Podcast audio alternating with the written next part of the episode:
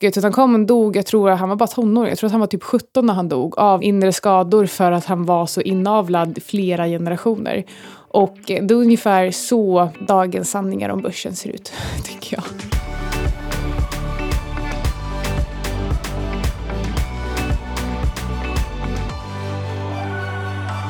Hej Micke.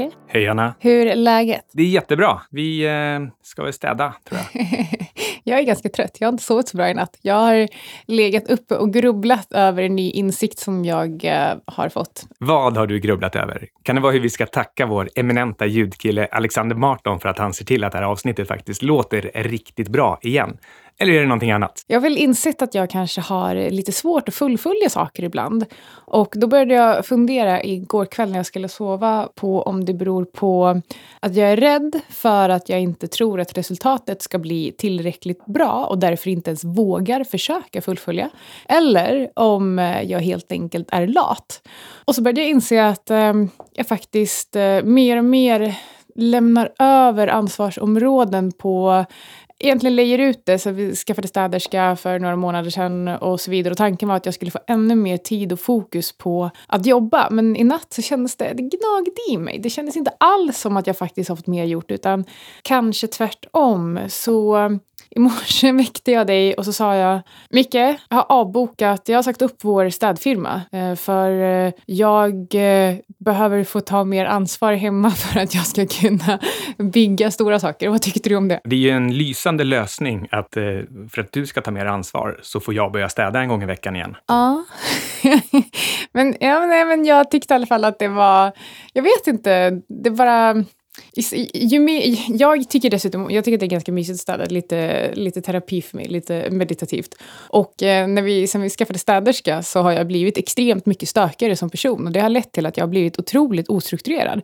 Så att den här extra tiden som jag trodde att jag skulle få till jobb har gått till att knappt hålla reda på var jag har mina grejer istället. En del kanske tycker att det där låter lite konstigt, men det är faktiskt en väldigt vanlig utveckling. Att eh, om man är aktiv så blir man ännu mer aktiv, men eh, latar man sig, då blir plötsligt minsta lilla uppgift nästan oöverstiglig. Precis, så uh, nu har jag bestämt mig för att uh, jag och Micke ska börja städa igen. Så det blir... Uh, det känns bra faktiskt. Det känns som att man blir lite fri och så kanske man får lägga in en hashtag sparad krona där också, för det är inte gratis att vara städerska. Och jag kom på att vi inte har sagt vilka vi är. Det kan ju vara någon som lyssnar på det här för första gången. Det här är programmet Outsiders. Med Syding. Och Svan. Och vi brukar ta upp gamla inavlade sanningar i finansbranschen och försöka slå hål på dem. Ja, för att långt in i en högkonjunktur så tenderar eh, så kallad kunskap och så kallade fake, fake knowledge kanske man, kanske man kan kalla det. Att, eh, att vara ungefär lika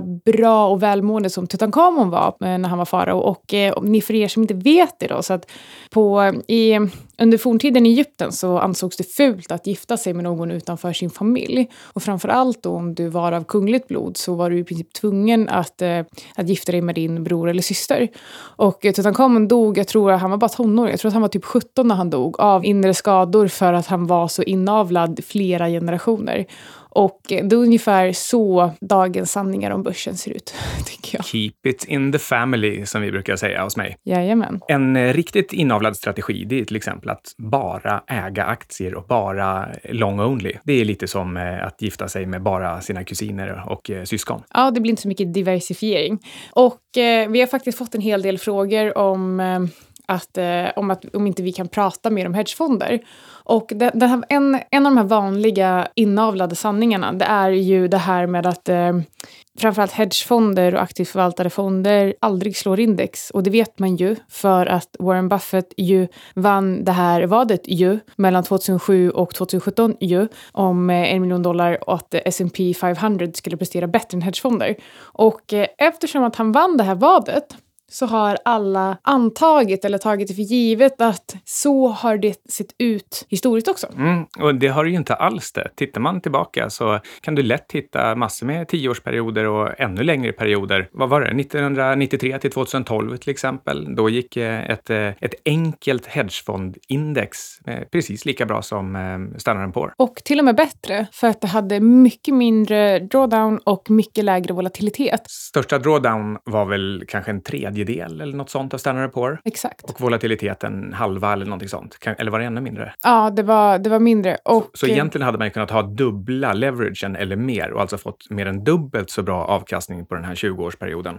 För det är många som inte tänker på det här att det här med genomsnitt, genomsnittlig årsavkastning egentligen inte säger så himla mycket utan man måste, faktiskt måste titta på volla och eh, drawdown. För att det är nämligen så att eh, hög volatilitet kan äta upp din avkastning. Okej, men hade Buffett tur som fångade ett paradigmskifte där aktier gick till en trippelhög värdering mot det historiska snittet? Eller hade han insider med eh, Fed-chefen? Bra fråga. Vi behöver inte vara så konspiratoriska idag kanske. Han hade inside. Han hade det? Ja. Okej. Eh, vi, vi blev så konspiratoriska idag ändå. Då. Ehm, nej, men så jag tänkte, eller vi tänkte att eh, låt oss snacka lite hedgefonder. För att nu är vi extremt långt in på en högkonjunktur. Jag vet inte hur många gånger vi ska behöva säga det här. Så att äga indexfonder på tio års sikt kommer förmodligen, om man tittar rent historiskt då, eh, kommer förmodligen inte att vara en lika bra affär som att eh, äga andra typer av tillgångar. Och då är frågan, vilka hedgefonder ska man titta på? För att en hedgefond är ju inte bara en hedgefond.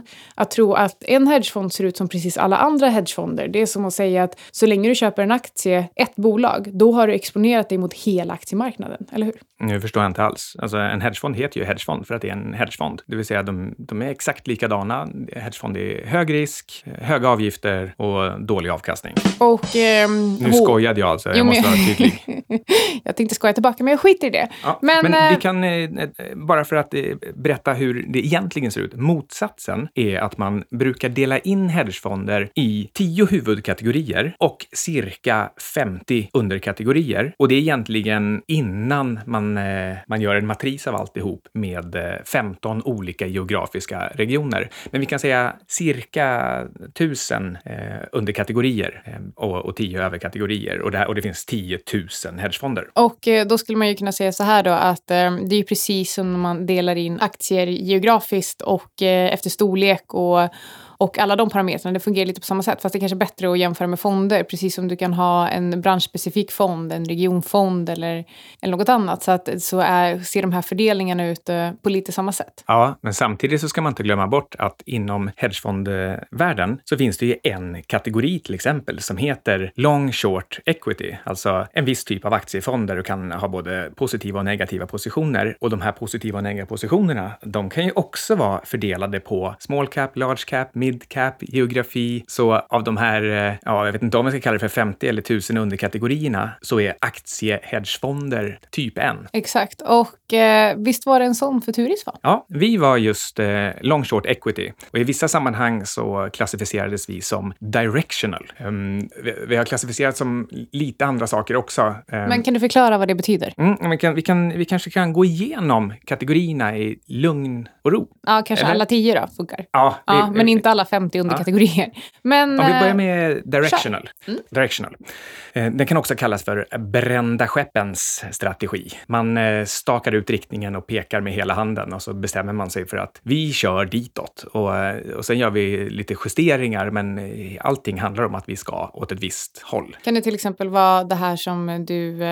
Eh, är- blir inte det en ganska ensidig strategi? Ja, men alltså det är ju så. Alltså till exempel så kan du ha short biased. Då ska du alltid vara kort eller möjligen eh, neutral ibland. Men inom den här strategin att du alltid ska vara kort så kan du ju hitta massor med olika aktier. Och det är dessutom så att det behöver ju inte vara eh, short biased aktier. Du kan ju vara short biased eh, någonting annat. Commodities kanske du skulle gilla. Inte vara kort. Nej. Kanske olja. Eller så kan du vara long only healthcare, alltså någon av 20 olika branscher. Du kan, eh, alltså, eller så kan du kan vara en, eh, en algofond eller en eh, teknisk analysfond som väljer att bara fånga långa signaler eller bara korta. Men back to basic. En hedgefond överlag. Det är ju alltså en... eh, Man skulle kunna översätta det till att det är en specialfond. Hedgefond är ju en specialfond med ett samlingsnamn skulle man kunna säga. Ja, vad det handlar om är att man begär tillstånd med väldigt fria ramar. Och så berättar man precis vilka ramar det är man själv vill ha. Och det är de här ramarna som sen då i nästa steg tillägg gör att du får en viss klassificering. Och det här betyder då att kunder vet vad de får när, eh, när de tittar på just din hedgefond.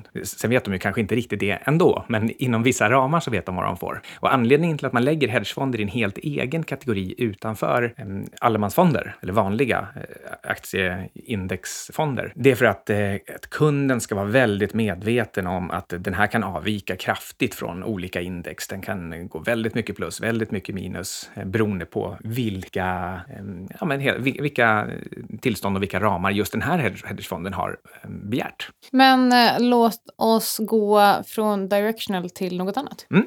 Så finns en kategori som heter equity hedge, eh, också känd som spagaten. Därför att eh, equity hedge, det låter då som att ja, men du har en lång position i någonting och sen tar du en kort position emot som en, en hedge. Du minskar risken genom att ta någonting hyggligt korrelerat och, och tar en motsatt position. Men om du tänker dig att du kanske går lång Ericsson och kort Astra, så eh, det är inte säkert att de där hedgar varandra. De kan ju faktiskt gå åt precis det håll du inte vill och då gör man den så kallade spagaten och blir eh, utsträckt i, i båda ändar. Och... Eh... Van Damme kan hantera det, men de flesta kan inte. du kan ju faktiskt. Ja, och jag har gjort en och annan spagat på Futures också. Jajamän. Alltså nu menar jag placeringsmässigt. Okej. Okay. Ja, nästa. Mm. Det finns någonting som kallas eh, event driven. Den kallas också för eh, oj, nu hände något. Eller eh, vad var det? Så skulle det här kunna vara en um, svart svan hedgefond? Mm, det finns lite olika underkategorier här. Till exempel så heter en heter special situations. Och då är det helt enkelt att det är, det är någonting särskilt som händer. Det kan vara en omstrukturering av ett företag. Det kan vara ett uppköp. Det skulle vara... ett, eh, en typ av tillgångslag som de här potentiellt skulle kunna handla med vara catbonds? Ja, ja, ja definitivt. Men catbonds kan också vara en, en helt egen strategi. Ja. Men eh, alltså man skulle kunna använda catbonds kanske som någon typ av eh, signal, någon indikator på saker och ting som eh, triggar saker man gör i eh, en event-driven hedgefund. Andra saker som man kan, kan, titta på till exempel, det är företag med, med pro problem, alltså som ser ut att vara nära konkurs. Och då kan man välja vilken typ av position man vill ta där.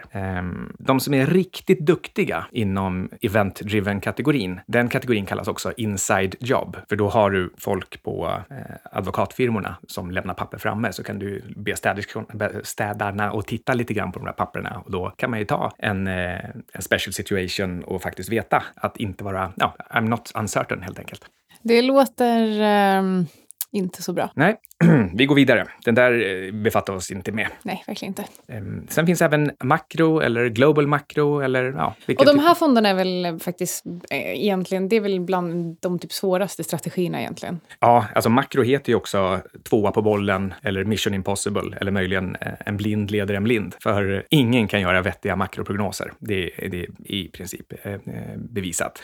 Och ändå så ska man här ta laggande, antingen laggande faktiska data med vissa mätproblem. Det kan vara data på arbetslöshet eller eh, tillväxt i ekonomin eller produktion av någon råvara. Och så ska man utifrån de här försöka prognostisera hur det blir i framtiden för den, liksom, makroekonomin. Och sen ska man prognostisera vad det leder till för effekter på de sakerna man tänker investera i. Och sen ska man leda till, eh, dra slutsatser om hur priset på dem då påverkas. Skulle du kunna säga att det här är finansbranschens version av att försöka spå i kaffesump? Ja, verkligen. Men eftersom det också är så, så svårt och man låter så smart och man kan, eh, man kan ha någon typ av fejkad long-only-strategi i det här, eh, så, eh, så kan det se väldigt bra ut under, under vissa perioder. Man får väldigt fria ramar. Så då kan man fooling some of the people all of the time. Ja, nu läser Anna i min bokhylla här. Den där handlar ju om David Einhorns short-krig mot en finansfirma som jag inte kommer ihåg vad den hette. Nej, men uh, moving on från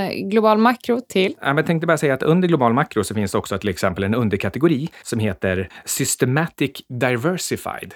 Så, ja, så den är systematisk och diversifierad. Ja, det kanske var tur att den inte var osystematisk då. Men okej, okay, vi går vidare. Eh, en kategori här som man brukar ta upp är eh, relativ värde, relative value. A minus B är lika med C, eller math bro. Som Math bro. relativ, relativ prisutveckling bro. Nej men eh, och eh, om man nu skulle, om man nu skulle kalla ponera att Cygnus skulle bli en hedgefond någon gång i framtiden så var när jag började fundera på strategin över Cygnus så var det faktiskt den typ av strategi som I had in mind från början.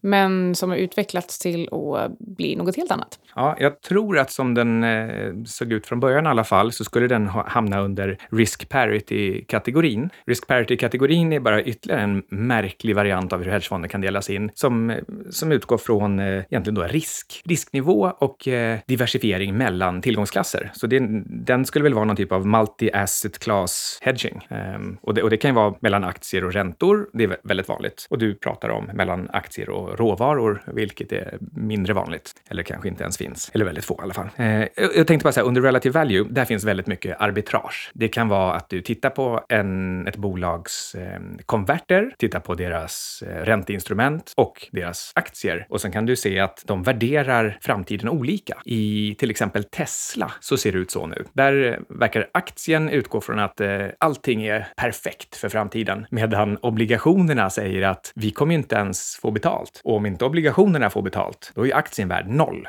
Så Tesla är fooling all of the people some of the time? Nej, de, har, nej, de, har, de är fooling some of the people, det vill säga aktieägarna, eh, for a while. ja, men exakt. Ja. Okej, okay, så det var, det var dem och sen har vi också, ja, det finns en variant som bara helt enkelt är fund of hedge funds, alltså eh, multistrategier där... Eh, så BMS till exempel? Ja, eh, BMS står då för Brummer Multi Strategy och det är bara att de har, de har tio olika hedgefonder som gör i princip ganska olika saker och så klumpar de ihop dem i en fond. Så då får du ett, ett hedgefondindex som i sig har räntestrategier, aktiestrategier, trendföljarstrategier, algo, till och med fundamental algo, alltså en, en algo som räknar på fundamentaldata och sen tar det i investeringar i, i aktier.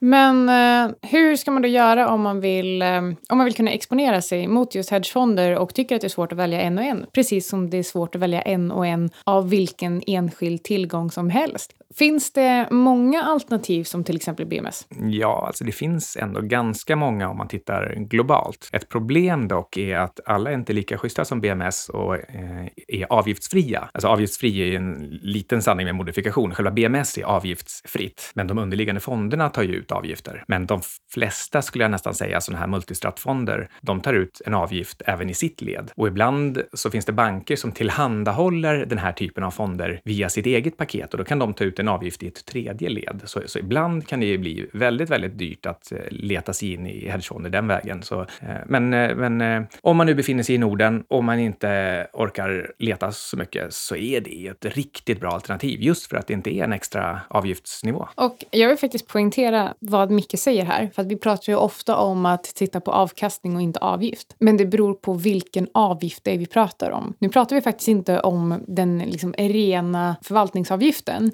utan vi pratar om alla kringliggande överavgifter skulle jag vilja kalla det. Och det är de man ska passa sig för, eller hur? Ja. Jag vill för övrigt också bara påpeka, utan att gå igenom alla strategier, men, för att få den rätta känslan av eh, mängden kategorier, så har vi till exempel inte nämnt eh, CTAR, som också kallas för Managed Futures. Det här är en, så, en sån fond som Lynx är till exempel. Vad, vad de gör, det är trendföljarfonder eller algofonder som eh, räknar ut, hittar momentum åt, åt olika håll och ibland också ja, counter momentum. En annan strategi, ja, det är egentligen bara olika geografiska strategier. Sen finns det tematiska hedgefonder som egentligen kan göra lite vad som helst utifrån ett tema. Bland annat under finanskrisen så, så fanns det ett par som hade strategin helt enkelt. Vi ska gå kort eh, mortgage-backed eh, securities.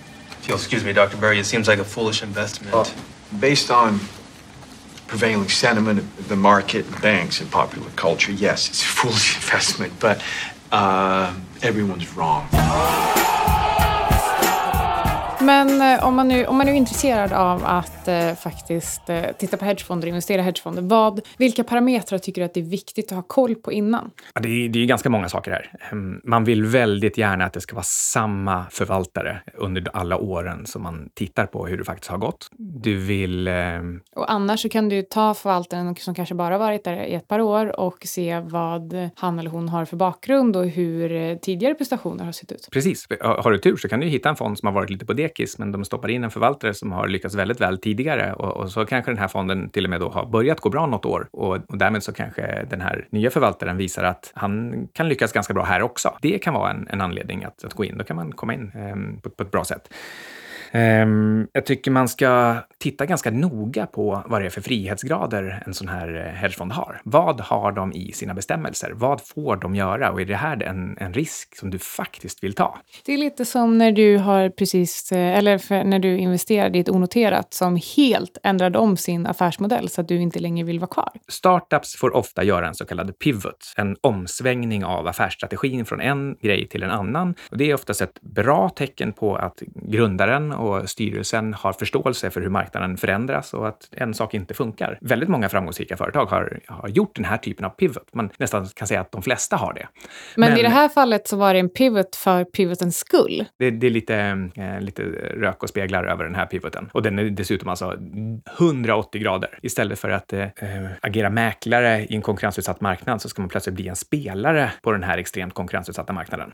Exakt, och eh, som eh, ny spelare är det ganska svårt då att, som i det här fallet, försöka konkurrera om just pris. Då brukar det ofta ta extremt lång tid innan man faktiskt blir så lönsam som gör att det är värt det. Liksom. En sak som jag tycker vi kan ta med oss från det här avsnittet, det är ganska mastigt, men det är att om du vill ha inspiration till hur du själv kan förvalta och vad du kan titta efter alternativ till din egen portfölj, om du nu ändå ska lägga massa tid på den och inte, ja, och börja inse att det inte bara är aktier som gäller så bara sök upp till exempel Hedge Fund Reviews eh, kategorier av hedgefonder eller bara Wikipedia. Den är också rätt bra. Då får du 50 olika förslag på saker som du kan titta på och komplettera din, din portfölj med. Så uh, återigen, okulism, utvidga dina egna perspektiv och ingenting av det vi har sagt idag har varit någon rekommendation, eller hur? Hej då! Hej då, podden!